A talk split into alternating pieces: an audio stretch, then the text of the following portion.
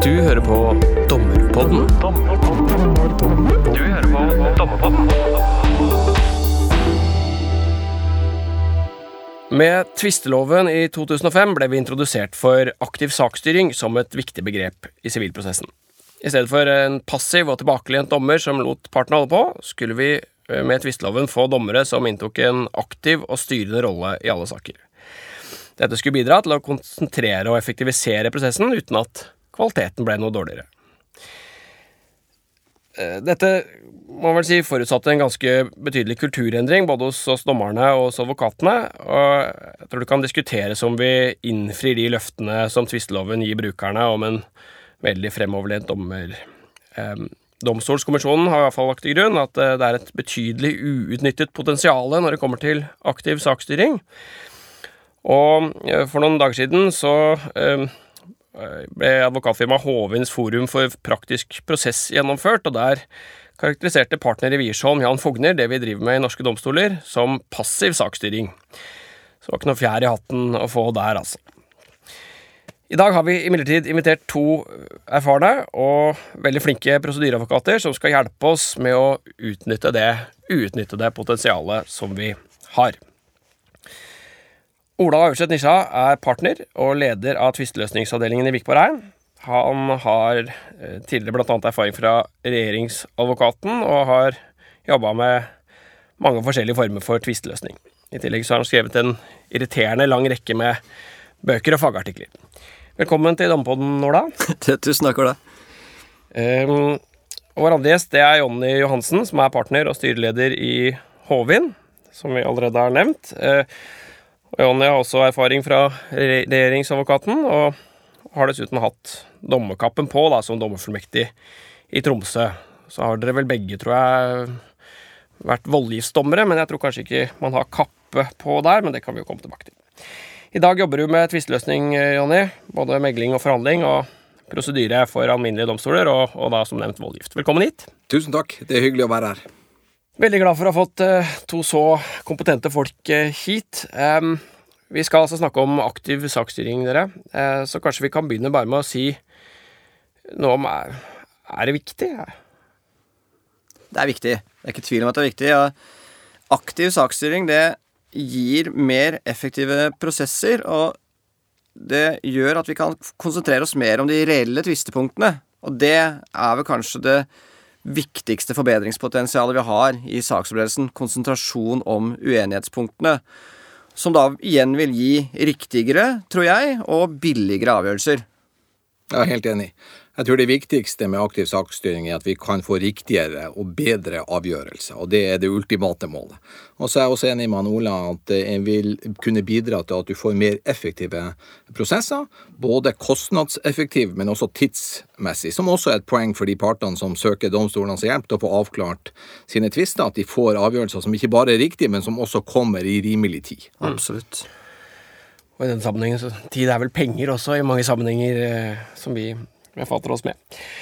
Ålreit. Um, jeg eh, sa at dette med aktiv saksstyring eh, kom med tvisteloven, og dere har jobba med prosedyrer både før og etter eh, vi fikk den loven. Um, er, det, noen forskjell fra før, før tvisteloven og, og i dag? Ja, Nå er jeg den eldste av oss to, så jeg burde vel kanskje ha den beste forutsetningen for å vite det, men, men jeg husker ikke så godt tilbake hvordan det var med saksstyring eh, før. Jeg tror tendensen er at det er mer aktiv saksstyring nå enn det var tidligere. Men det må være lov til å si at den, den er variabel også i dag. Noen dommere er kjempeflinke og, og passer godt på hele veien, og andre må det vel også være lov til å si er nokså eh, slapp. Jeg, jeg begynte hos regjeringsadvokaten jeg, i det øyeblikket tvisteloven trådte i kraft. Så hadde jeg fire år eh, under tvistemålsloven i Vikborg før det. Og jeg, jeg husker fortsatt at det var helt vanlig at det hagla inn med prosesskriv på faksen dagen før vi skulle i retten. Og det, det er klart, det er jo på en måte en advokatværemåte. Du kan jo sende inn prosesskriv nå dagen før, men det er bare at nå Du har nok fått en mer fortung prosess nå enn du hadde under tvistemålsloven, men, men fortsatt, ikke sant, altså var, var oppe på dette forumet til, til Håvin, så er det fortsatt sånn at det, det kommer en propp mot slutten av saksopplevelsen, og det skal, vi, det skal vi snakke mer om etter hvert. Jeg er nok Jeg ser en kulturendring, men jeg er nok usikker på om den har vært så stor som kanskje var ønsket under tvistemålsloven. Og, og, og, nei, unnskyld, under tvisteloven. Eh, og jeg, jeg, er veldig enig med Domstolkommisjonen at det er et betydelig uutnyttet potensial. Jeg syns det er et godt uttrykk som vi skal eh, jobbe videre med. Og prøve å finne fram til det potensialet, ta det ut. Jeg kom på nå når du sa det, at for en 10-12 år siden så hadde vi en stor entreprisesak og da la motparten frem 60 ringpermer med dokumenter ei uke før hovedforhandlinga. Og det var helt knust fra dommeren. Det kom ingenting. Han, han var antageligvis opptatt med å stable kassa på kontoret, men, men jeg hadde forventa at vi i hvert fall skulle få en form for reaksjon, men det skjedde ingenting. Ja, det hørtes uh, skikkelig strevsomt ut. Um, men når det gjelder den kulturendringen, er jeg helt enig i mitt inntrykk også, at uh, vi kanskje ikke helt uh, innfrir de løftene som tvisteloven gir Uh, men vi hadde jo um, Yngve Svendsen, lederen for domstolskommisjonen, her i Nampoden for noen, noen, episoder siden. Og, og, han hadde en slags tanke om at den type kulturendringer da kanskje tar litt tid, at det gjerne er liksom andre gang man prøver at man får det til. Så vi får håpe da kanskje at det som kommer ut av domstolskommisjonens arbeid, kanskje kan gi et ytterligere, ytterligere løft. Uansett, uh, jeg har allerede sagt at dere har jobba en del med, med, andre former for tvisteløsning enn hos de alminnelige domstolene, bl.a. av voldgift, Um, og så vidt jeg skjønner, så sitter dere begge i styret i Oslo Handelskammers institutt for voldgift og alternativ tvisteløsning, så det, eh, dere har kanskje litt erfaring med, med andre typer rettssaker, da. Jeg, har aldri vært med i en voldgiftssak, jeg, dessverre. Kan dere si noe om hvordan foregår det der? Hvor aktive er dommerne der? Jeg kan jo begynne litt, og så kan Jonny uh, utdype og utfylle. Det, altså, jeg tror det er viktig å når man skal snakke om voldgift, så tror jeg det er viktig å være klar over at uh, voldgift er ikke voldgift. Altså det, er, det, er, det, er, en vanvittig bredde i hvordan en voldgiftssak gjennomføres. Noe er veldig tradisjonelt og, og for å være litt direkte litt gammeldags, mens, mens andre ting, um, og gjerne da når, når et uh, større internasjonalt voldgiftsinstitutt er involvert, er utrolig profesjonelt, og hvor du har institutter som på ulike måter driver prosessen fremover. Så der, her er det, det, er en, det, er en, det er en, stor, eh, stor variasjon her, men det så, så, Hvis man på en måte skal se på Hvis man skal la seg inspirere, da, se ja vel, hva er det man, hva er det man har fått til innenfor voldgift, så vi, skal, vi, kan ta noen eksempler på det etter hvert knyttet til hvordan håndterer vi provokasjoner og sånt, som, som gjøres ganske godt i en del voldgiftssaker, men, men, det er særlig da Stockholm handelskammer, SSC, og, og ICC eh, i, i, Paris som har sekretariater, og, og hvor det er det er nede på det nivået at hvis du som voldgiftsdommer ikke tar god nok styring på saksopplevelsen, så, så, får det konsekvenser for betalingen din. Altså du får dårligere betaling hvis du ikke har vist at jeg har gjort mitt for at saksopplevelsen skal gå effektivt og bra framover. Og, og, og, bare for å ta det med en gang, jeg mener ikke, at vi skal innføre noe sånt nå i Norge for embetsdommere. Eh, men, men det, er, det, er, det, er, jo et tegn i tiden, da. For tidligere hadde man en, de, en, en idé om at ja, ICC det var forferdelig dyrt og forferdelig tregt osv. Det er ikke riktig i det hele tatt lenger i dag. Og tvert imot så har de tatt en rekke grep for å sørge for at dette skal gå fort, og det skal gjøres til en fornuftig pris. Ja, jeg er enig i at det er forskjeller på, på voldgiftsprosesser og vanlige domstoler. Og jeg tror gjennomgående at det er vesentlig mer aktiv saksstyring i alle typer voldgiftsprosesser. Både det institusjonelle og adhoc-voldgift, som vi har mest av i Norge. Og jeg tror det er flere grunner til det, men en av grunnene er jo at voldgiftsdommeren eller voldgiftsdommerne er utpekt av partene. Så dels så tror jeg partene peker på dommere som de tror kommer til å være aktive, og som kommer til å lede det. Og dels er det jo sånn at når du først er utpekt av partene, så har du et ønske om å levere et godt produkt. Og, og saksstyring er en viktig del av eh, dommergjerninga. Så, så, ja, jeg tror at norske embetsdommere har litt å lære av måten man håndterer voldgiftsprosesser på. Men så må jeg også få lov til å legge til at voldgiftsprosesser er jo prosesser hvor man har ikke ubegrensa med ressurser, men man har ganske store ressurser. Og litt ut av det som er svøpen til norske domstoler, er jo at dommerne har for lite tid.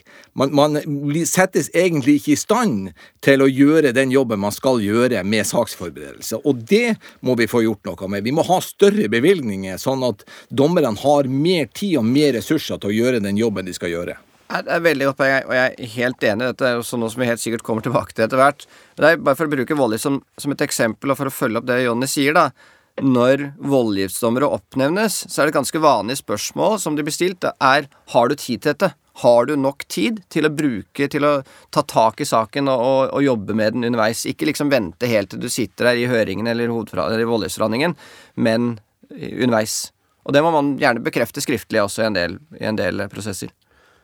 Nettopp. Det, det, virker jo veldig fornuftig. Og det, er, det at det, det, tar tid å være aktiv under saksforberedelsen, det er jo også noe Domstolskommisjonen er innom, hvor det foreslås da at eh, dommernes tid, da sier de alminnelige domstolene, allokeres litt annerledes, sånn at vi får litt mer, eh, mer tid eh, til å gjøre en god jobb tidligere. Så vi får håpe at det spiller ut som de har foreslått. Vi kan komme, dere kan jo kanskje komme litt tilbake til erfaringer fra voldgift underveis i episoden, hvis dere tenker at det, er noen konkrete ting vi dommerne kan lære av, av den måten å løse tvister på, så, så tror jeg både jeg og vi andre vil være interessert i det. Men Hvis jeg får si en ting til tilknyttet dette, det tror jeg dere er flinke til i Oslo tingrett.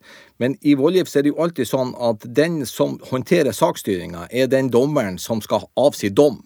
Og det er det ikke alle domstoler, eh, eller eh, alle av de ordinære domstolene, som får til. Da hender det, i hvert fall i, i, eh, en del av de komplekse sakene, at du har forskjellige dommere som har eh, saksforberedelsen i forhold til de som har eh, Eh, hovedforhandlinger. Og det tror jeg er klokt å, å endre på. Jeg tror at i, i, større saker må det alltid være den dommeren som skal ha saka, som leder saksforberedelsen. Ja, Det gir god mening for meg, i hvert fall i de litt, litt større sakene, som du sier. Um, og jeg tror nok at det synes litt mot det også i Oslo tingrett. Men uh, jeg tror det handler om at man, om ressurshensyn, at det blir mer fleksibelt. da, Men, men spørsmålet er om man kanskje totalt sett bruker mer ressurser fordi man stadig har nye dommere som må sette seg inn i det, og som kanskje ikke er enig i det som den forrige dommeren gjorde. Ålreit, dere. Um, greit. Vi, vi, får snakke oss litt sånn gjennom prosessen, og, og, jeg tenkte vi kunne begynne med saksforberedelsen, uh, som vel kanskje er der vi har mest å hente. Det har vi vært innom allerede. og, og han tidligere nevnte Jan Fogner, han sa vel også på seminaret ditt, Jonny, at, uh, at det nettopp er saksforberedelsen som er det svake punktet i norsk rettspleie, og det tenker jeg det er lett å være enig i, i hvert fall sånn jeg ser det. Så vi begynner der. Um, jeg vet ikke om noen har lyst til å Hva, hva, er, hva er, potensialet her, hva er, og hva er utfordringene våre? Er det noen som kan hjelpe oss med det? Jeg, jeg tror det for min del, da, det viktigste som man skal få til, og det er en sånn Igjen, da skal ikke, skal ikke vi sitte her og snakke om voldgift, eh, voldgift i dag, for dette handler om domstolene, men, men frontloading, det, det, hører man mye om internasjonalt, og det, og det er jo eh, den, på norsk en fortung prosess. Og her er det jo dette begynner med et advokatansvar. Altså Advokatene må bli flinkere til å skrive gode stevninger og gode tilsvar, og som er mer eller mindre uttømmende. Det er jo det prosessen vår det er sånn prosessen vår har lagt opp. Du skal, ikke, du skal ikke slenge inn et eller annet, og så skal du da uh, lappe lappe på etter hvert med prosesskriv, og så skal du komme med en eller annen propp ikke sant, på fristen for avsluttet saksprosess. Det blir ofte sånn, uh, men det er, det er, ikke sånn prosessen er tenkt. Så det, vi, må, vi må begynne med det. Og så kommer jo planmøtet inn, og der er det et kjempepotensial. Der er det å få tatt, tatt skikkelig tak i saken. Hvis du har et, en god stevning og et godt tilsvar, hvis du ikke har det, så må du da ta tak i det, der, tenker jeg. Partene, sammen med dommeren selvfølgelig, uh, i planmøtet. Men fortung prosess, det er stikkordet her, tror jeg mer som skal skje tidlig i prosessen, og, og mindre etter hvert. Før hovedforhandlinga, selvfølgelig. Jeg er helt enig. Jeg tror at vi vil vinne mye hvis dommerne får mulighet til å ordentlig lese både stevning og tilsvar, sånn at de er godt påkledd til det første planmøtet, og at man bruker det første planmøtet til å gjøre litt mer enn å bare gå gjennom smørbrødlista, men, men, å legge en ordentlig plan for hvordan skal vi komme i mål med å få løst denne tvisten på en best mulig måte. Det gir veldig god mening for meg. Og, og, min erfaring er at de sakene hvor jeg har gjort det, altså vært godt forberedt til planmøtet, og også har gjort advokaten oppmerksom på at det, det er sånn det blir, eh, så er det et kjempenyttig grep. Eh, men igjen, da, der er det jo dette med, med ressursallokeringen i domstolene som, som, gjør det litt sånn krevende, i hvert fall i saker som har litt omfang. Hvor det ofte er noen tusen bilag og altså, mye, mye å lese. Og det, og det, skjønner vi som advokater òg, så vi, vi, kan ikke gjøre noe annet enn å si at vi, vi, ønsker at dommerne skal få tid til å forberede seg. Vi skjønner at uh, har man ikke den tiden, så får man ikke gjort den jobben. Men der er det, tror jeg, et igjen da, betydelig uutnyttet potensial. Og så tror jeg ikke dere skal være i tvil om at advokatene gjennomgående setter veldig pris på de dommerne som da finner tid til å lese dette, og som er forberedt. Det er lite som er så stimulerende som å få raske tilbakemeldinger på det man sier, enten dommeren skulle være enig eller uenig, men å utfordre på standpunkter og, og aktivt lede prosessen videre, det, det setter advokatene pris på, og det blir en bedre prosess. Jeg er helt enig. og Bare for å ta en parallell der til noe annet som kommer senere i prosessen, det er den rettens innledning.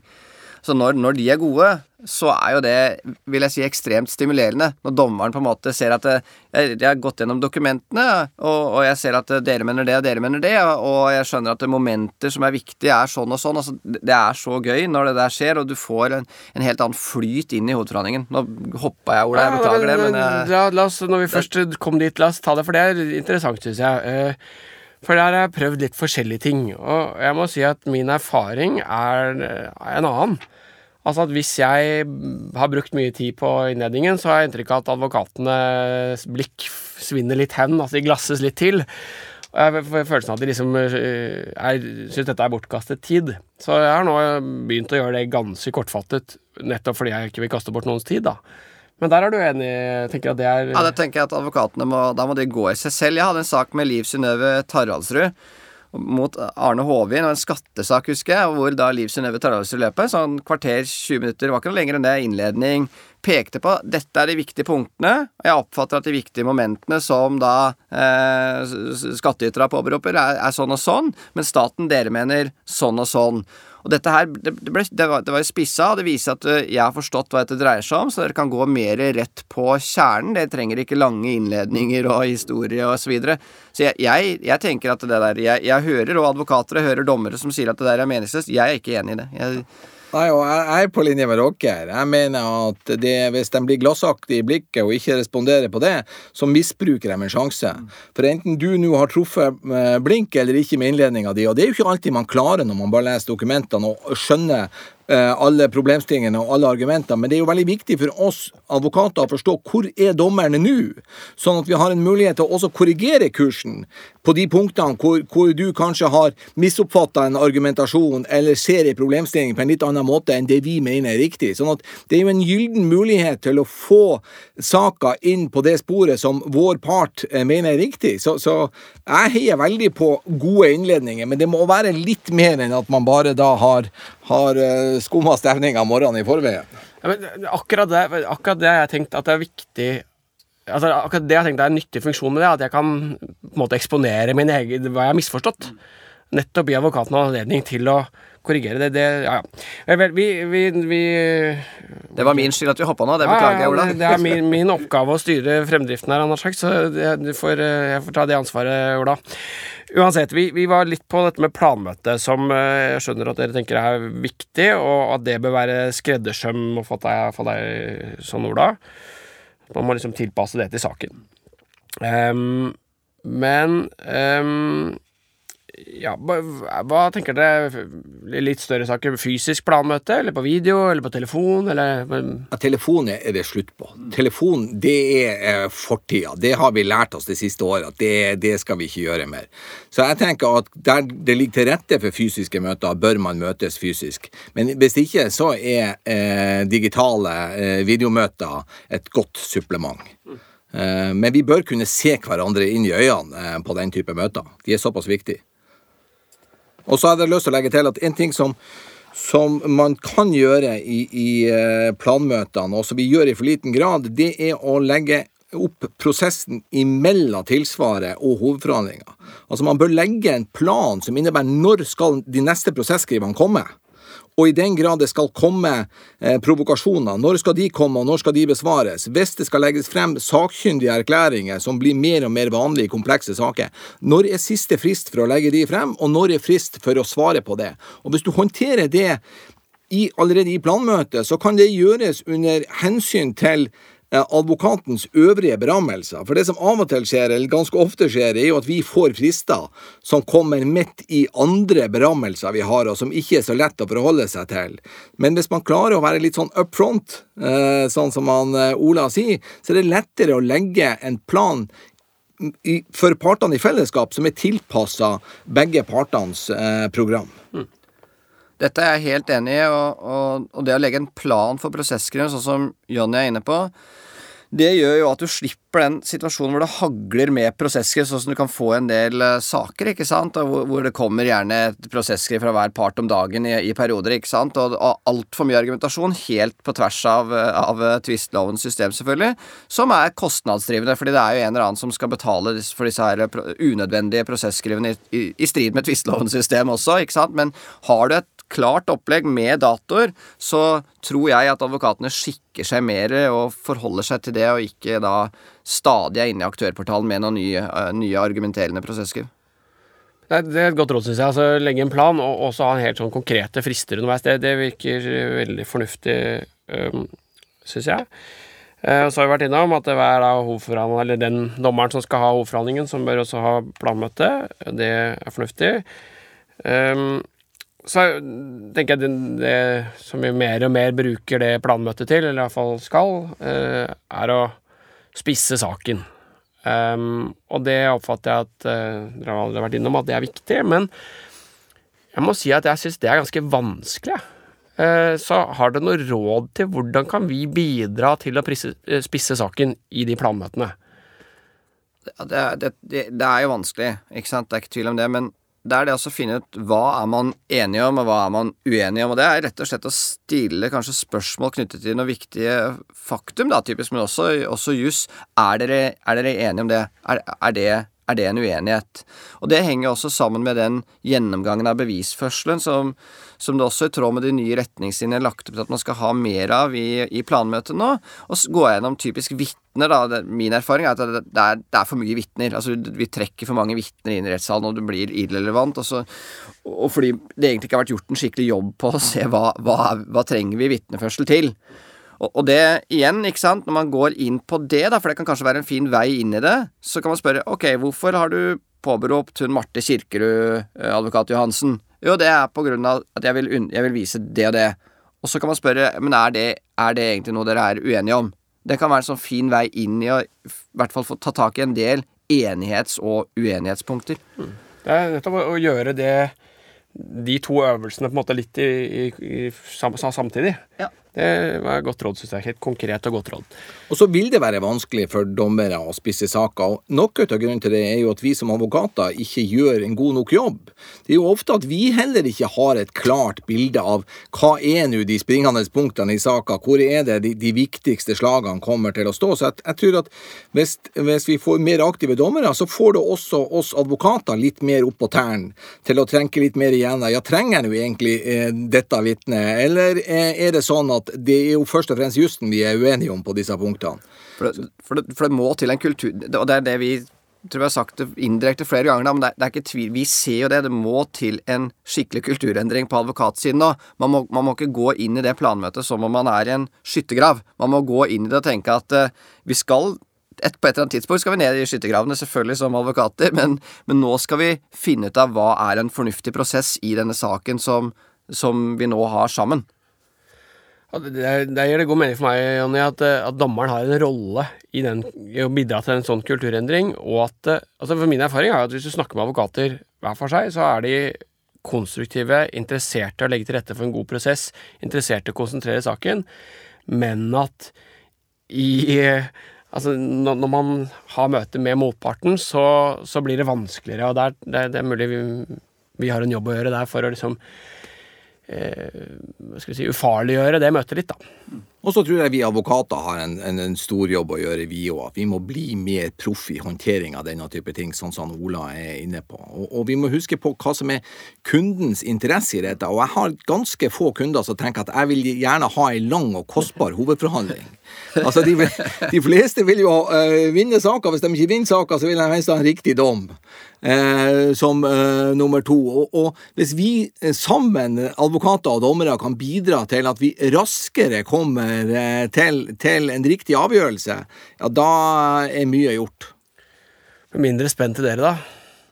Ja, vi skal saktens klare oss uansett, så det er jeg ikke urolig for. så lenge det er mennesker, så vil sånne som John og jeg bli holdt i Holdt i live, tror jeg. Det er jeg heller ikke så bekymret for. Um, ja, vet ikke noe annet vi må huske på i dette planmøtet. Altså dette med å, å spisse saken og, og, lage en plan for saksforberedelsen, det er vel kanskje de viktigste tingene. Men jeg vet ikke om det er noe annet vi kan, noen råd vi kan gi, eller dere kan gi. Ja, nå, nå, sa Jonny det i, i stad, men bare for å gjenta det og si at jeg, jeg, er enig. Altså to typiske ting som bør være med der, er dette med anmodninger om tilgang til bevis, eller provokasjoner, som uh, man kalte det før. Og det, og det andre er sakkyndige rapporter, i hvert fall sånne saker som John og jeg typisk jobber med. At man, at, at, det, de to, at man har et våkent øye til de to punktene, så at det, det, blir med, i tillegg til et sånt løp med prosesskriv. Der har du noen konkrete ting da, som og så synder vi jo vi på advokatsida ganske mye generelt når det gjelder dokumentfremleggelse. Det legges jo frem enorme mengder med dokumenter, og ofte med nokså vage eh, forklaringer på hva dette skal brukes til. Og Der må naturligvis vi advokater skjerpe oss, men, men, det vil jo hjelpe om vi også får litt guiding fra dommerne på at, at, vi kan faktisk ikke ha det sånn at det kommer nå 2000 sider dokumenter uten at vi får vite hva dere har tenkt å bruke det til. Det er jeg enig i, men samtidig opplever jeg det som en veldig krevende oppgave. Eh, fordi igjen, da, det forutsetter at man kan saken veldig godt, at man skjønner helt konkret hva, hva partene er uenige om, og at man da leser gjennom disse dokumentene og prøver å skjønne hva som står der. Er, jo, men, du, men, du, kan stille spørsmålet. Du kan si hva, hva er det disse 2000 sidene er ment å underbygge? Hvilket av tvistepunktene er det dette egentlig gjelder? Og det, er, det er god planmøtemat. Og det trenger ikke være det første planmøtet, det kan være et planmøte senere i prosessen også. ikke sant? Jeg er helt enig, for jeg skjønner utfordringa ved at du ikke helt uh, forstår alle implikasjonene som kommer. Men da kan du gjøre sånn som Ola sier, men, men det er faktisk din jobb som advokat å fortelle meg hvorfor dette er rele relevant. For i utgangspunktet så mener jeg 2000 sider nå ikke uh, hører inne, så da må du forklare relevansen av dette. Og det får være jo vår jobb som advokater å gjøre det. Det er et godt råd. Um, det er jo generelt det er litt sånn uh, dommerhåndverk. Det er, hvis du lurer på, lurer på, noe, så er det å spørre advokatene. Be dem om å redegjøre. Det, det kan nesten alltid gjøre. Um, en ting som um, uh, står i, i tvisteloven Nå husker jeg ikke bestemmelsen for planmøte, men 9-4 er det det. Som vi skal ta opp, er dette skriftlige skriftlige redegjørelser. Eller er det vel faktumredegjørelser, er det det? Ja, og skriftlig innlegg under saksbevegelsen.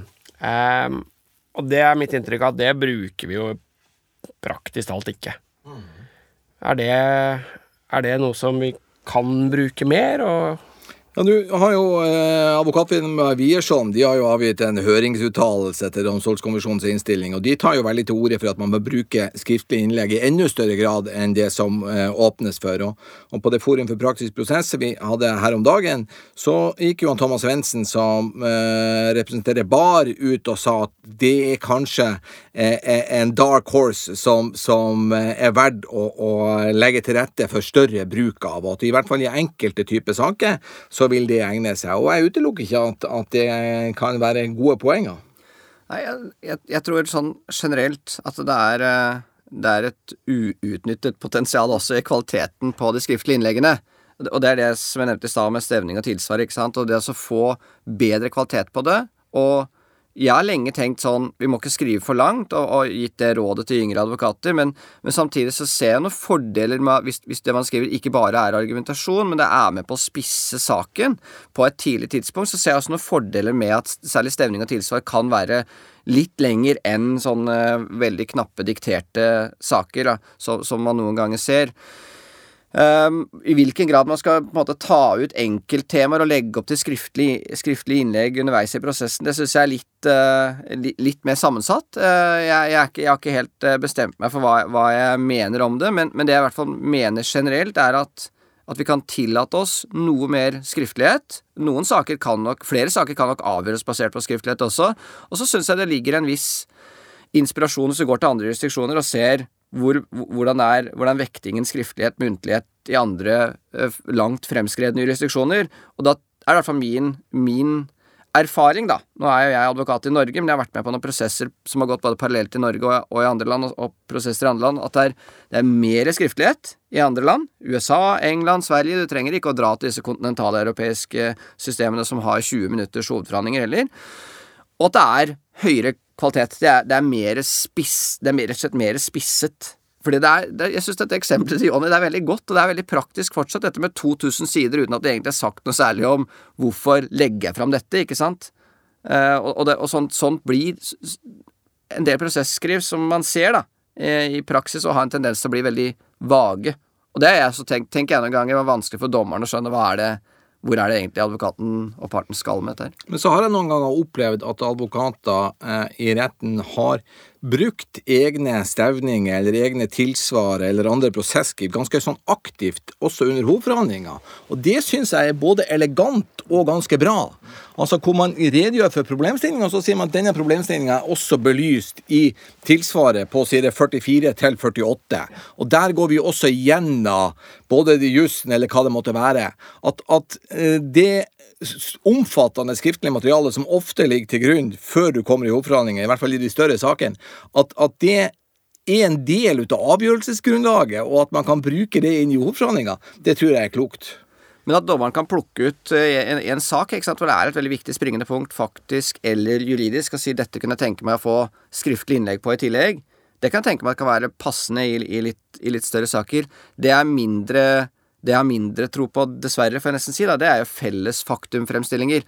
For det er i hvert fall min erfaring at det er fryktelig vanskelig å få til uh, at partene blir enige. Det blir litt sånn tannløst og, og kort, da. Det man, det man, klarer å skrape sammen. Jeg vet ikke, Johnny, om du, hva du tenker om det? Jeg var i Høyesterett for en måned eller to siden. Da laga vi en kort Det var, det var ikke ei faktumsak overhodet, men da laga vi en kort felles faktumfremstilling på ei og halv side og motparten eh, klarte i, i skranken å være uenig i vår felles faktumfremstilling på tre punkter. Så det er ikke alltid vi får det helt, eh, får det helt til. Ja, da, da, har vel den faktumredegjørelsen mislykkes litt, kanskje. ja, det tror jeg vi må kunne å si. Ja, morsomt det der med å vise til sitt eget tilsvar. Eh, hvor du er redde for Det Det blir jo litt sånn snikinnføring av en sånn skriftlig prosedyre. Men, eh, men, det er jo Jeg må si jeg liker det, jeg òg. Og jeg tenker at det er ganske nyttig når du skal skrive dom. Eh, også, men jeg tror ikke det er så mange som mener at vi har for lite element av muntlighet i Norge. Jeg, jeg tror, tror, det er mulig å skru til den skruen ganske mye og fortsatt bevare et muntlighetsprinsipp. Ja, Det er jeg enig i helt til motparten din begynner å vise til tilsvaret sitt. Da er det noen som syns vi har litt lite muntlighet i norskhet. Men hva så med skriftlige vitneerklæringer, da? Altså, det har jeg aldri brukt. Og eh, så har jeg liksom blitt litt oppmerksom på det helt, helt i det siste, at det går an.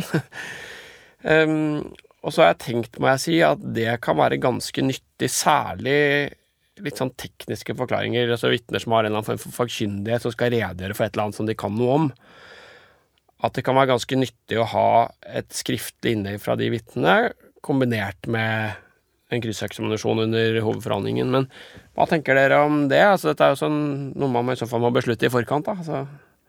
Ja, det er jo veldig mye brukt i voldgift. Eh, og jeg syns at det fungerer godt. Dels så har det jo jeg si at det er kontradiksjon, fordi at du blir ganske tidlig oppmerksom på hva motpartens eh, vitner eh, mener, og kan forholde deg til det. Og dels vil jeg tenke at fra et dommerperspektiv, eh, og særlig i vitnetunge saker, så er det jo en, en glede å kunne ha forklaringa nedskrevet, at du ikke må stole på egne mer eller mindre eh, vellykka notater eh, fra eh, vitneforklaringen. Sånn at jeg har veldig god erfaring med skriftlige vitneforklaringer, men da selvsagt med muligheter til krysseksaminasjon i retten. Og så er naturligvis ei ulempe med det at en del av disse vitneforklaringene blir skrevet av advokater i stor grad. Uh, men det lærer jo en erfaren dommer seg å, å se og, ta høyde for.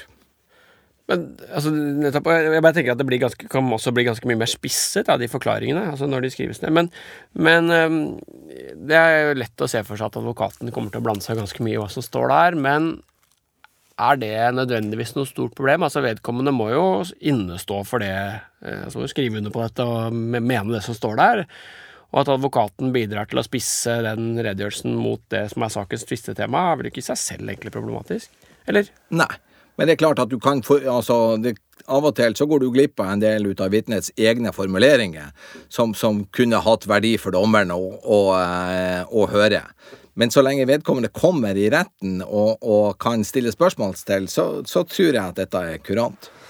Ja, dette er jo dette er et kjempestort tema, da. ikke sant? Og nå er vi inne på vitnepsykologia. For hva har det egentlig å si for vitnets forklaring at du har dette skriftstykket ikke sant, som er satt ned? og det, det er noe av det som jeg syns er krevende med dette. For det, realiteten er jo at uh, i hvert fall sånne saker som John og jeg er involvert i, så er det det skjer relativt ofte at advokatfirmaer er involvert. Skjer absolutt ikke alltid, men det skjer relativt ofte. Og det er, er nok ansett for å være i voldgift, i hvert fall uproblematisk, så lenge man opplyser om det.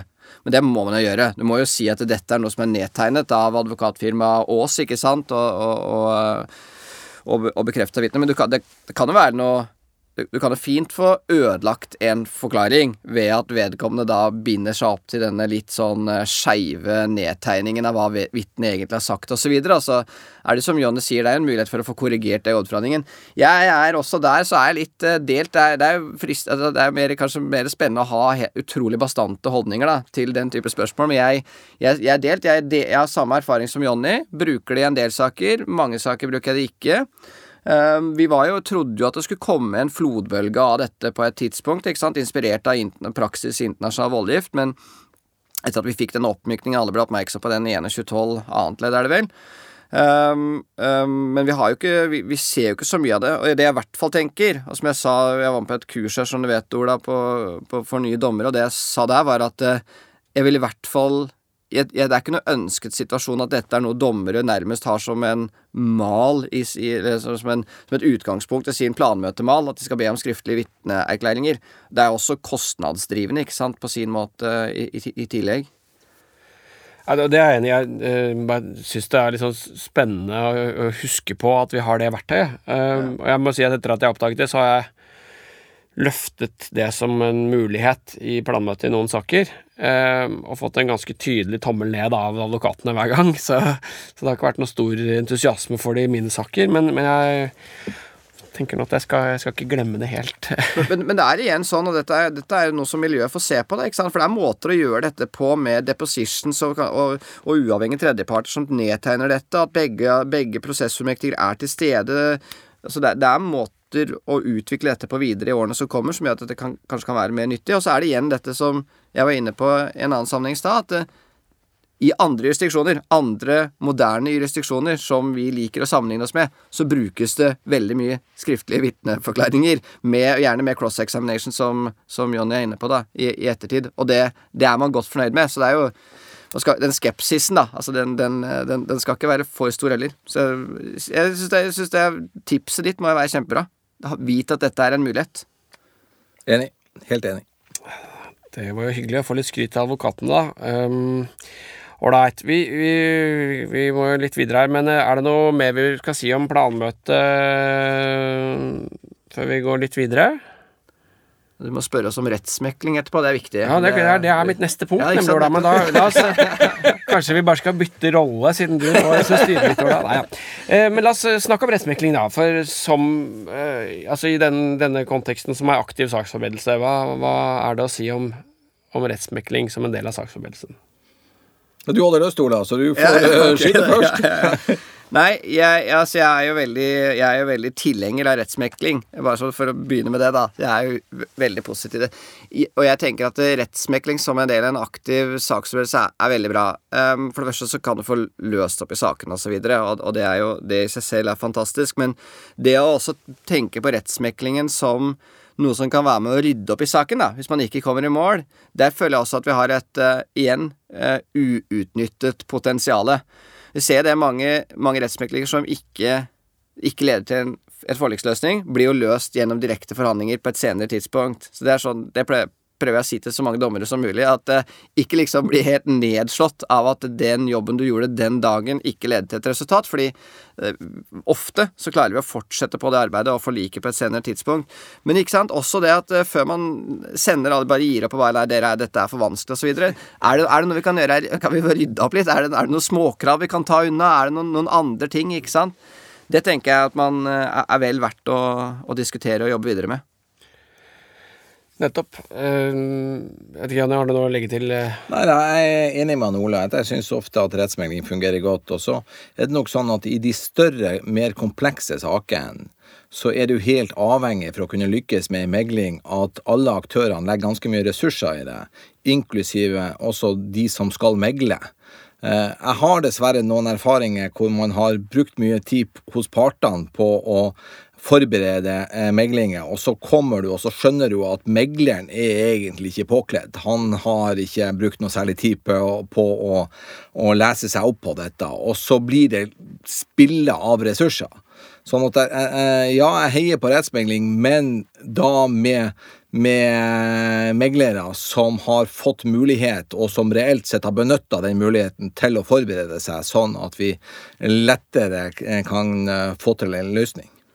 Der er et eksempel på konkret aktiv saksstyring fra Oslo tingrett. Vi innga en ganske voluminøs stemning, stevning før jul.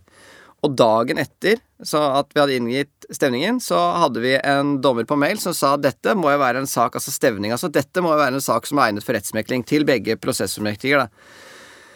Og det, det, og det ble berammet en rettsmekling. Før tilsvar? Før tilsvar, ja, ja, altså dagen etter at stevningen var inngitt. Jeg tror stevningen, og det, ikke sant, Apropos dette med litt sånn lange stevninger, så jeg tror stevningen var på over 100 sider. Selve stevningsdokumentet. Det var, var mye var sluttopphørstvist, ikke sant. Og, og, da, og det ble berammet rettsmekling. Men den saken sånn Jeg skal ikke si noe om årsaksforholdene osv., men det, det som er et uh, objektivt faktum, og som man kan finne ut, det er jo at uh, den saken den ble forlikt før tilsvar ble inngitt. Nå skal ikke jeg si at det skyldtes det initiativet, men det, det er et veldig godt eksempel på en sånn aktivitet fra dommerhold. Der hadde vi en dansk klient, og de var ekstremt imponert over Oslo tingrett. De syntes- domstolen var utrolig på, da. Eh, som liksom tar tak i en sak så kontant og umiddelbart. Apropos for tung prosess, det var jo veldig imponerende. Til, så det skulle jeg ønske var meg, men det, det var det ikke.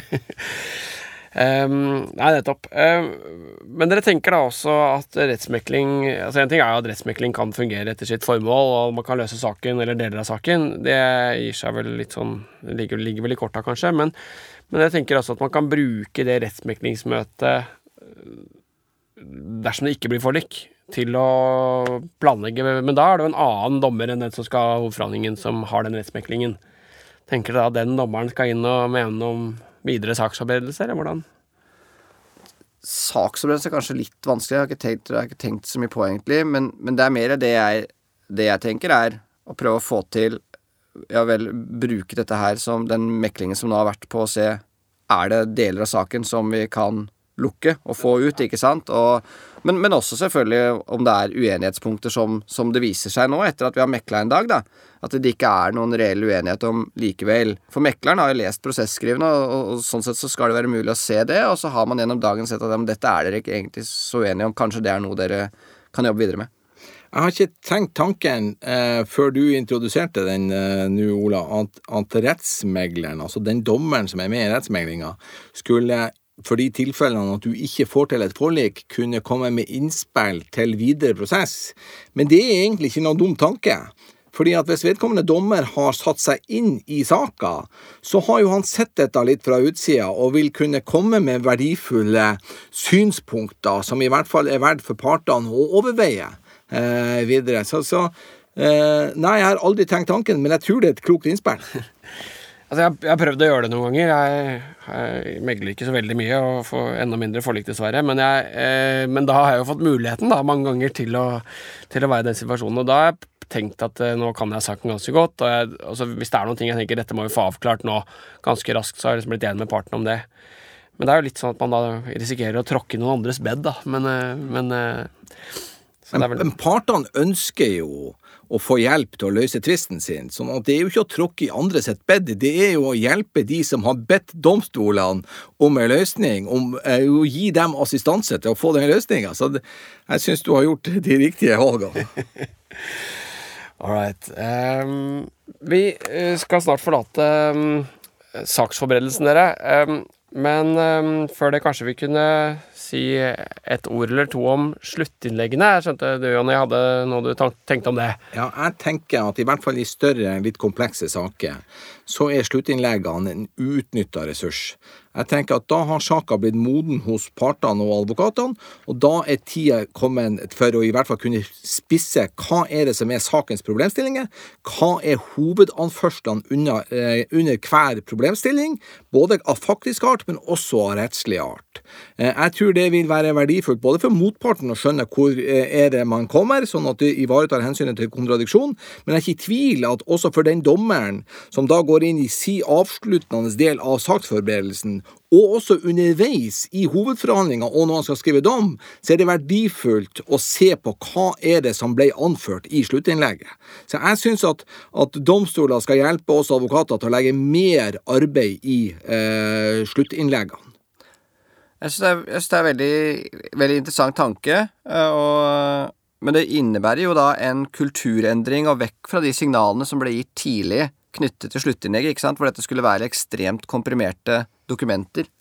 Men jeg, jeg, jeg, liker den tanken. Jeg også Men Kan det være sånn at, eh, at, det vil være ganske nyttig sånn som vi gjennomfører saksforberedelsen nå, men at hvis vi klarer å lage en mer fortung eh, saksforberedelse, altså vi, vi, klarer å bruke planmøtet bedre enn vi gjør i dag, kanskje vi begynner med disse eh, konsentrerte saksfremstillingene som eh, Domstolskommisjonen legger opp til, at, da, at det da blir mindre behov for et omfattende sluttinnlegg, men at eller jeg vet, jeg vet ikke om det ja, Det kan tenkes, men i komplekse saker hvor du har veldig mange prosesskriv som har gått frem og tilbake, så kan det være fint å få et slags kondensat av partenes anførsler.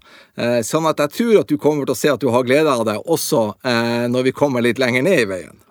Ja, det er jeg enig i, og det, det, er litt vanskeligere å mene så mye om det hvis, hvis, det på en måte blir en sånn at dommeren skal skrive seg gjennom saken osv. Uh, men, men i dag uh, helt klart også med en mer fortung prosess.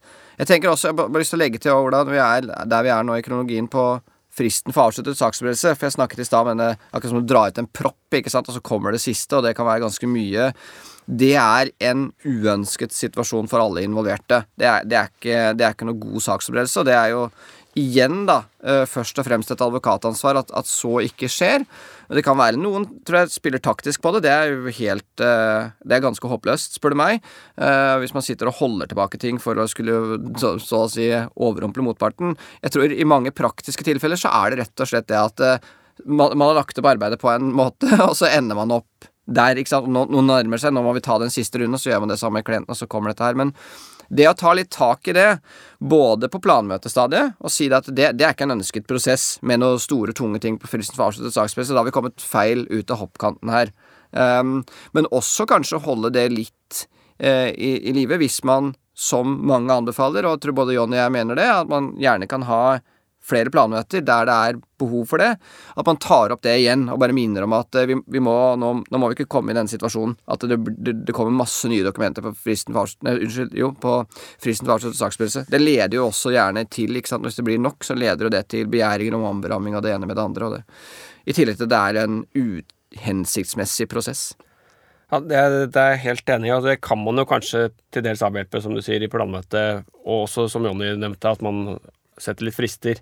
Også for prosesskriv utover i saksforberedelsen. Da, da, vil man jo Det vil kanskje være litt sånn disiplinerende i den sammenheng. Liten apropos nå, det blir kanskje litt rotete for de som hører på, håper ikke det, men, men du nevnte det med flere planmøter. Jeg jeg må si at uh, så, Min mor, veldig klok dame, hun pleier å si at det viktigste er å opprettholde dialogen, og det syns jeg er et ganske sånn godt råd både i livet og i, i rettspleien.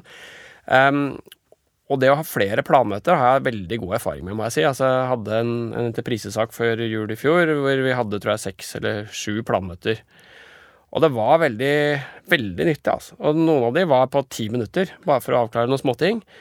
Og, og de var ikke innkalt til de, eller det var mer sånn jeg sendte en mail og kan vi ta en prat om dette, og så laget jeg en rettsbok.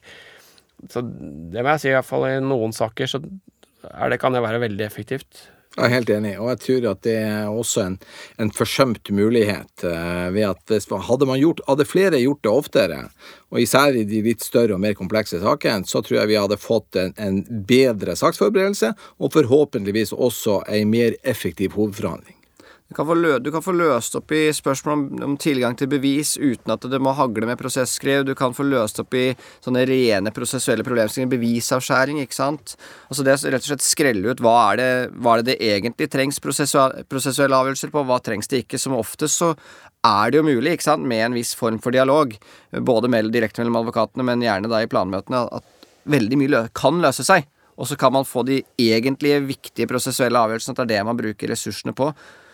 Og, og, og, ikke minst da partenes penger da, på å drive og sende inn alle disse eh, innleggene. Ja, og, og, i tillegg er det noe psykologi her, og det er jo en del sånn uh, tastaturtigre som er veldig tøffe i trynet når de sitter og skriver, og når du møter dem, enten digitalt eller fysisk, så, så er de mye mer pragmatiske og villige til å finne gode løsninger. Så Ålreit. Tiden går, dere. Vi, vi, kan ikke bare snakke om saksforberedelse, selv om det kanskje er der vi har mest å hente. Vi må snakke litt om hovedforhandlingene òg, fordi det er vel et faktum at hovedforhandlingene eser ut og tar mer tid og kostnader. Og det handler vel dels om hva vi gjør under saksforberedelsen, men det handler kanskje også litt om hva vi gjør når vi er i retten. Så jeg vet ikke om, Og vi har jo også en plikt til aktiv saksstyring under, under selve rettssaken. Så jeg vet ikke om dere har noen gode råd ja, til hva vi, kan, hva vi kan gjøre for å bidra til en litt sånn konsentrert gjennomføring. Det ble sagt på dette kurset som jeg var, eh, og der konsentrerte vi oss kun om hovedforhandlingen. Og det var, det var, ikke, det var ikke, om aktiv saksstyring, det var om hovedforhandlingen. Um, så ble det sagt at det er mer begrenset hva man får til i hovedforhandlingen enn, det, enn, enn i saksprosessen. Altså, det, det betyr at man alt, alle manglene fra saksforberedelsen de drar man med seg inn i hovedforhandlingen. Så hvis, du, hvis det er en lite spissa sak, så får du det samme problemet i hovedforhandlingen. Men også motsatt. Så dette, dette henger veldig nært sammen. Når det gjelder konkrete grep da, i, i hovedforhandlingen, så er det jo det å få, få spisset ting. Altså få spisset innledningsforedrag, få spisset parts- og vitneforklaringer, få spisset uh, prosedyrene. Og, og, og der, det kan gjøres på flere måter. Det kan være at retten gir eh, ikke-inhabiliserende signaler til hva, som, hva, hva, man anser at er viktige punkter, hensett til partenes argumentasjon. Og det kan jo, kan jo retten gi enten i forkant av hovedforhandlingen, men også underveis. I forkant er det lettere for advokaten å få gjort noe med det. Eh, og så er er det også det at dommeren, eh, som eh, vi diskuterte det litt i forkant, og begge både John og jeg, jeg tror jeg deler det. Vi, det er veldig flott, syns vi, å få spørsmål underveis. På hvilken måte er dette relevant, advokat, sånn og sånn? Eller på hvilket, hvilket tvistepunkt knytter dette seg til? Er anførselen for å forstå slik at sånn og sånn? Den typen spørsmål syns jeg er utelukkende positivt fra dommerbordet. Eh, det, og, det, det er, og, det, man på en måte må holde det opp mot, er jo der dommeren på en måte viser at 'jeg har allerede bestemt meg', for det ønsker vi jo selvfølgelig ikke. Det, det gir god mening for meg. altså igjen da, dette med å opprettholde dialogen også i retten er ganske ja, Vi snakker jo om aktiv saksstyring, og det er viktig i saksforberedelsen, men det er også viktig under hovedforhandlinga. Så jeg tror den aktive dommeren, han er høyt verdsatt. Den aktive, interesserte, engasjerte dommeren. Han som vil forstå partenes synspunkter og vil komme frem til en riktig avgjørelse, det er den dommeren som, som partene eh, setter pris på. Og så vil jeg tenke, i forlengelsen av det han Ola sier, at, at de dommerne som klarer også å bruke fremdriftsplanen litt aktivt. Jeg har hatt flere dommere som har vært flinke til liksom, Når de starter dagen, så går de igjennom hva er det liksom som er på tapetet i dag, og hvordan ligger vi nå an underveis, og, og, har klare rammer. I dag kommer vi til å, å, slutte i retten klokka halv fire, vi kan ikke gå over. Så vet partene hva vi har å forholde oss til. Eh, det, det er også verdsatt. Nettopp. Um, vi um har jo snakka litt om, om dette dommerens innledning, og det, det, tror jeg vi kanskje vi ikke trenger å si så mye mer om. Og så har vi snakket litt om spørsmål og sånn. Eh, men når det gjelder det å spisse advokatens innlegg, og også egentlig vitneavhørene, eller vitneforklaringene, så syns jeg det er en litt sånn krevende øvelse, fordi jeg tenker at her har advokatene forberedt seg ganske godt, og de har et opplegg, og du risikerer å liksom vippe dem litt av pinnen hvis du lager for mye krøll i, i opplegget deres. Så jeg tenker at det er litt sånn, Man må treffe en slags balanse mellom å la advokatene gjøre sin, sin greie, og ikke la det skli helt ut. Og det tenker jeg kan være litt sånn krevende, kanskje. Jeg vet ikke om dere har noen tanker om, Jo, og det tror jeg kan være krevende. Så jeg tror også vi skal være ydmyke for at når du først har lagt et opplegg, så klarer du ikke så alltid så lett å kaste helt om på det. Men man, man kan jo, hvis man får et signal i forkant, lettere gjøre om på det. Hvis man, før man skal høre f.eks. prosedyrene, si at eh, jeg oppfatter at et av, ei ut av problemstillingene er knytta til det og det, og det vil jeg gjerne at dere skal gå litt nærmere inn på. Eller eh, det har vært sagt noe om reklamasjon i denne saka, det har ikke vært veldig godt belyst, det vil jeg at dere skal bruke mer tid på. Det, det er lov å si. Og det, det, må, det må advokatene klare å forholde seg til. Særlig hvis, det, hvis, hvis man er sak over flere dager, da, og man får den type signaler dagen før prosedyrer, f.eks., så tenker jeg at det er veldig heldig jeg som advokat å få den typen signaler, for da kan jeg tilpasse opplegget mitt og treffe bedre det, de tingene som dommeren uh, lurer på. Jeg er helt enig. Og så er det som partene og vi advokater er litt var på, det er jo som Ola har vært inne på, at, at, man får signaler på at dommeren har bestemt seg, eller at dommeren ikke vil høre på argumentene. Og det, så, så, det å liksom finne den balansen hvor man dels viser hvor man er, men samtidig også vise ydmykhet for at vi skal naturligvis få høre på de argumentene som parten ønsker å, å fremføre. Ja, Veldig godt poeng. Det gir god mening, det. Jeg bare kom på et eksempel på, på en sånn aktiv saksstyring under uh, ankeforhandling. Det, det, var da jeg var advokat, uh, hvor jeg hadde en sånn utlendingssak i Borgarting. Hvor før prosedyren så sa rettens formann ja, vi kan altså ramset opp en rekke høyesterettsdommer som sa dette kan vi godt, vi har hatt masse utlendingssaker. Det trenger vi ikke høre noe om. Eh, og det var et fantastisk deilig. Da var det bare å ta de tre første sidene av disposisjonen og hive søpla og begynne på det som virkelig var maten. da. Så det var Jeg tror jeg kortet, ned min prosedyre med en time eller noe sånt. Veldig, veldig fint. Men det forutsetter jo at man, uh, at man klarer å snu seg rundt, da. så all. Er det noe mer å si om hovedforhandlingen? Det er kanskje ikke så lett å gi konkrete råd om dette? Det blir mye sånn avveining, men Nei, Jeg tror at eh, dommere og advokater og parter er egentlig enige om at veldig mange hovedforhandlinger blir for lange. Og så klarer vi allikevel ikke å, å, korte dem eh, ned, og det er en felles utfordring for oss alle sammen. Men, men, jeg tror at hvis vi ser på det som en felles utfordring, så er det iallfall mye lettere for oss å få gjort noe med det i fremtida. Ja, spørsmål jeg vet ikke, handler kanskje ikke om å konsentrere, eller jo litt øh, hovedforhandlingen, men det er vel ikke noe brannfakkel å si at noe av det vanskeligste som vi gjør i hovedforhandlingen, er å stille gode spørsmål til vitner og parter. Jeg i syns det er kjempevanskelig, både å ikke stille ledende spørsmål, og stille spørsmål som vedkommende forstår, og så, som, som bringer oss nærmere et eller annet. Um, men jeg syns jo at det er ganske varierende kvalitet på de spørsmålene som stilles fra advokater, og det er også både fra flinke og dårlige advokater, hvis jeg får si det sånn. Jeg sier ikke at jeg alltid får det til sjøl, men, men, har du noe råd til hvordan vi kan angripe det hvis vi tenker at en advokat stiller enten veldig ledende spørsmål, eller spørsmål som faller helt på siden av saken? Eh, den type, altså, det syns jeg er ganske sånn krevende, men jeg vet ikke om dere har noen tanker om hvordan, hvordan man kan gjøre det på en ålreit måte? Jeg tenker at her som ellers i livet, så er det å si tingene litt sånn som det er. Og, og, og hvis man føler at spørsmålene ligger litt på sida, så må du jo være ærlig for administrator og, og, si at jeg følger ikke helt hvor dette passer inn i det som er viktig for saka. Kunne ikke du være snill å klargjøre hvorfor du mener dette har betydning? Og det tror jeg de fleste advokatene vil tenke er ålreit. Og hvis det stilles ledende spørsmål, så tenker jeg det må være helt fair å si det, at, at du må få lov til å stille spørsmål sånn som du ønsker, men det er klart at det reduserer verdien av svarene hvis du skal legge ord i munnen på vitnet hele tida. Ja, og jeg er helt enig i, i begge deler. Og, og, til det siste der, det, det syns jeg er litt viktig at dommere slår ned på. Um, og det er sånn som vi diskuterer i advokatmiljøet. Hvordan, hva, hva, gjør du hvis så ikke skjer? Skal du da være sant, Hvis det er Jonny og jeg som prosederer mot hverandre, skal jeg da barke løs på Jonny og si at du Advokat Johansen, når du stiller spørsmål på den måten her, så ødelegger du hele vitneforklaringen. Eh, ikke sant? Sånn som Jonny sier, den blir verdiløs. Og hvis det er et viktig vitne, så er det jo Du får jo ikke gjenoppretta det. Altså da, da er det på en måte ødelagt. Eller skal vi henvende oss til dommeren og si administrator um, ikke sant? Og det, det er jo kanskje det siste som, som jeg heller mot som det riktige, men, men, det vi nok ønsker oss, er at dommeren på de ledende spørsmålene også der er aktiv, da. Aktiv i å slå ned på den typen spørsmålsstillinger.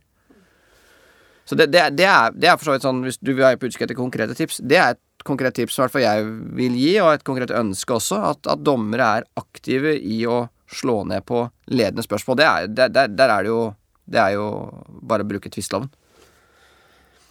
Nettopp. Det er problemet Jeg er enig i dette. Eh, problemet er bare at jeg som sagt syns det er vanskelig å, å stille gode spørsmål, og det tror jeg det er mange som syns. Sånn at det, noe Altså det er, det er av og til vanskelig å, å få noe, en god forklaring med bare helt åpne spørsmål. Så litt lukkede spørsmål må man kanskje akseptere. Og, og liksom hvor grensa går, og når, når, du skal stoppe en advokat, syns jeg er en krevende men, men det er det igjen, da. Dette med, med hvordan man formulerer seg, ikke sant. Altså si hva, Hvilket tvistepunkt er det dette, disse spørsmålene knytter seg an til? Advokat sånn og sånn, ikke sant? Eller advokat sånn som Det hadde vært fint om du kunne stille spørsmålet litt mer åpent. For det, nå gis det litt føringer for hva vitnet skal forklare seg om. Men at dette er vanskelig, er det jo ingen tvil om. Det er, selv for de erfarne, dyktige dommerne så vil dette være krevende, sånn som det er for, for advokatene. Men vi får prøve så godt vi kan, alle sammen. Det er i hvert fall ikke vanskelig å være enig i, Janni. Um, får gjøre så godt vi kan. Kan jeg stille spørsmål til deg, eller hvordan? Vær så god. Ja, fordi hva, med, hva med advokatavbrytelser? Er det, for det er også en del av en aktiv saksstyring når advokatene begynner å avbryte hverandre. Hvordan, eh, hva er best practice håndtering der fra dommerbordet? Uh, nei, altså det vi, vi hadde lagde Forrige episode av Dompodden var en episode for helt ferske dommere. Vi hadde Anders Bøen som gjest, og han uh, mente at man i en viss grad måtte akseptere det, så lenge det ikke ble for forstyrrende for den andre advokaten, altså den som holder på. Og det syns jeg egentlig var et ganske godt råd. Altså advokater som altså in good faith uh, vil oppklare noe, eller stille et spørsmål underveis i den andre advokatens innlegg, det tenker jeg, iallfall har jeg tenkt, at det innenfor rimelighetens grenser vil jeg iallfall akseptere og tenke at det er nyttig, og at den, den, advokaten som prater, må tåle. Og så går det selvfølgelig en grense hvor det blir eh, ikke akkurat sjikanerende, så iallfall så forstyrrende da, for den advokaten som holder på, at du liksom ødelegger opplegget hans, og da får du jo stoppe det. Men jeg syns Jeg har ikke noe sans for eh, en sånn prosess hvor det er helt ulovlig å stoppe opp for å gjøre en avklaring eller stille et spørsmål. Men jeg vet ikke hva dere tenker. altså Dere står jo med skoene på og blir avbrutt, eller eventuelt avbryter, da. Jeg, jeg syns du reflekterer klokt rundt det. Jeg har nok en ganske høy terskel for at jeg griper inn i motpartens opplegg. Jeg tenker at det er i første omgang administrators øh, oppgave. Eh, og jeg er nokså var for at jeg ikke skal ødelegge den rytmen eller de, de, den resonnementrekka som motparten ønsker å gå inn i. Men, men det, det, det, er jo absolutt at jeg føler at ting går for langt, sånn at jeg bryter av, jeg òg. Men jeg syns nok at vi advokater generelt skal ha en høy terskel før vi, eh, før vi avbryter. Her er vi rørende enige. Så bra. Da er vi enige om det. Da eh, Jeg må jo bare si for min egen del så syns jeg jo de fleste advokater er ganske flinke til å la motparten snakke. Og da, da, tenker jeg at man får liksom la tvilen komme dem til gode når de avbryter, og høre hva de har å si, før du liksom er for streng.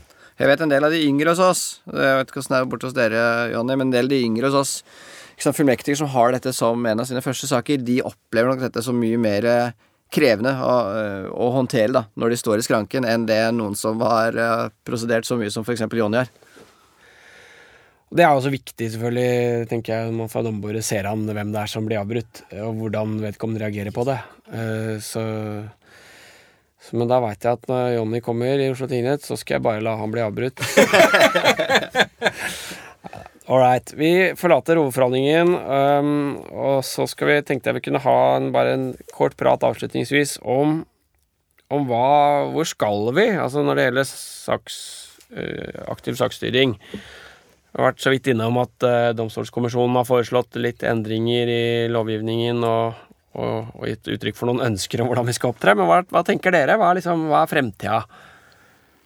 Jeg ville tenke at for partene så er det viktig å få uh, gode avgjørelser og få det relativt raskt og relativt uh, kostnadseffektivt.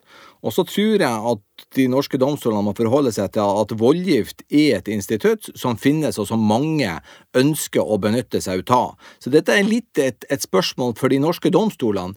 Hvor, hvor, god ønsker vi å være for de som ellers ville ha valgt eh, voldgift?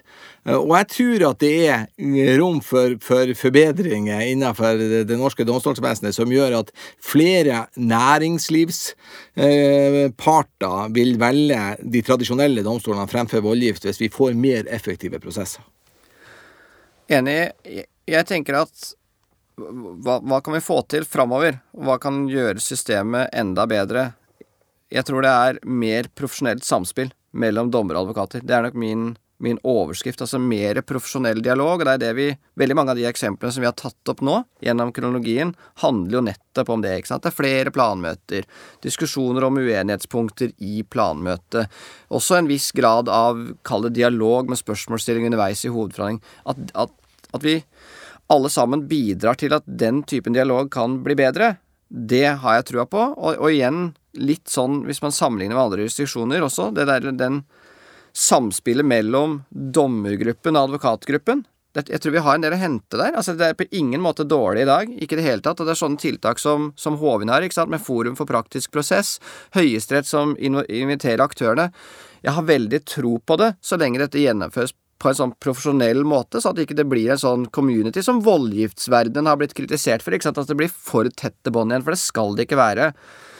Men en profesjonell, løpende dialog har jeg veldig tro på. Mer samspill.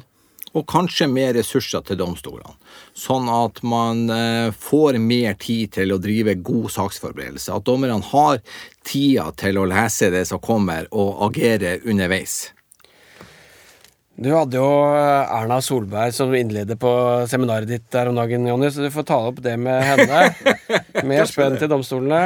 Um, får, eh, altså, det gir jo god mening, for jeg har jo mitt inntrykk da er at uh, Domstolskommisjonen har vært opptatt av at uh, de alminnelige domstolene skal være konkurransedyktige i, uh, i forhold til voldgiftsinstituttet. Og jeg tenker at det er lurt at vi forsøker å være så gode som mulig. Så er det ikke sikkert vi skal ha alle tvister, men, men at uh, vi kan være et alternativ. Så, så, og, da gir det god mening for meg, det som du sier, Ola, at å ha god og åpen dialog om sakene og løpende dialog, det tror jeg og så tror jeg ikke domstolene skal være for bekymra for faren ved at alle skal begynne å bruke voldgift i alle saker. Det, gjort, eh, det gjøres jo stadig undersøkelser på, på, valget mellom voldgift og domstoler i de nordiske landene av svenske advokatfirma, svensk-finsk advokatfirma Rochier.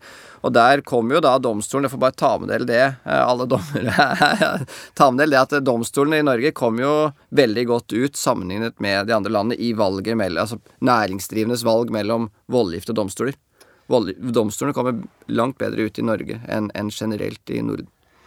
Det får vi ta med oss, og så får vi ikke hvile på laurbærene. Og så, så, tror jeg jeg skal nevne, da, bare fordi når vi snakker om dette med store kommersielle tvister, at vi i Oslo tingrett så har vi, eller har i samarbeid med Advokatforeninga nedsatt en gruppe nå som skal se på muligheten for å utarbeide en veileder for, for nettopp store sivile tvister. Eller storkravsprosess, som de kaller det. Så vi får håpe at det kanskje kommer noe noe fornuftig ut av det, og så får vi ta med at, at løpende dialog er et, eh, et stikkord.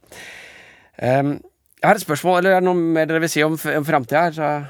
Nei, jeg har et, et spørsmål helt til slutt, uh, som jeg kanskje kunne tatt helt først, men det gjorde jeg ikke. Uh, vi har nemlig en huskeliste i Oslo tingrett for aktiv saksstyring som, som heter Vær aktiv, så, men så har den en stikktittel uh, som kanskje er litt sånn gøyal, jeg vet ikke, men stikktittelen er i hvert fall Ikke vær så varsom-plakaten. Uh, og det syns jeg er litt gøy, men, men, men det, mitt spørsmål er egentlig er det et godt råd. Altså er Ligger det i aktiv saksstyring at vi ikke skal være varsomme, eller er det noe annet? Jeg tror at den interesserte og engasjerte dommer, han vil stort sett alltid bli verdsatt av partene og av advokatene. Han som har lyst til å forstå argumentene og komme frem til en riktig avgjørelse, han eller hun er den dommeren vi vil ha. Og de som evner å gjøre det på en, på en ryddig og skikkelig måte, de, eh, de, trenger ikke å være redd for at, at de eh, trør over noen grenser, tror jeg. Ja, ja, ja, det er klok, kloke ord fra Jonny. Altså, jeg, jeg, tenker at det, dette handler ikke om å være hardest mulig i klypa. Altså, du kan sikkert få en effektiv prosess ved å være knallhard og kverne ut prosessuelle avgjørelser, men det er jo litt det som er min, min tanke, da, at eh, kanskje kan vi redusere antallet prosessuelle avgjørelser ved å ha flere planmøter osv. Så, så den, den aktiviteten der, det ligger en viss varsomhet i det, men eh, jeg har ikke noen problemer med, med, med å si vær aktiv, og du trenger ikke å være så varsom. Nei, nei da, det var ikke meninga å, dytte den huskelista under bussen på noen som helst måte, men, men, men det var vel egentlig det jeg var på jakt etter. Altså, at jeg tenker at det kanskje ikke nødvendigvis handler om å være hard i klypa, men det handler om å, å være interessert og framoverlent, og, men, men kanskje også altså, I motsetning til å være hard i klypa, høre på advokatene og, og få til en, en dialog og en samhandling. Og det kan være vel så bra som å liksom kjøre på. Um, Absolutt. Helt klart. så da fikk jeg sagt det òg. Ble sikkert sjefen min sur, da. Um, men det, får, det er fordelen med å være embetsmann, at det er ikke så farlig. All right. Um, ja, da tror jeg vi setter, setter strek, dere. Uh, Jonny og Ola, tusen takk for at dere tok dere tid til å snakke med oss om dette, som jeg tenker er et, et viktig og aktuelt tema. Det har vært veldig hyggelig å være her. Kjempehyggelig å bli invitert. Så bra. Um, mitt navn er Ola Berg Lande, og jeg lager uh, Dommepodden sammen med Ragna Lindefjell og Runa Nordahl Hereid. Vi høres.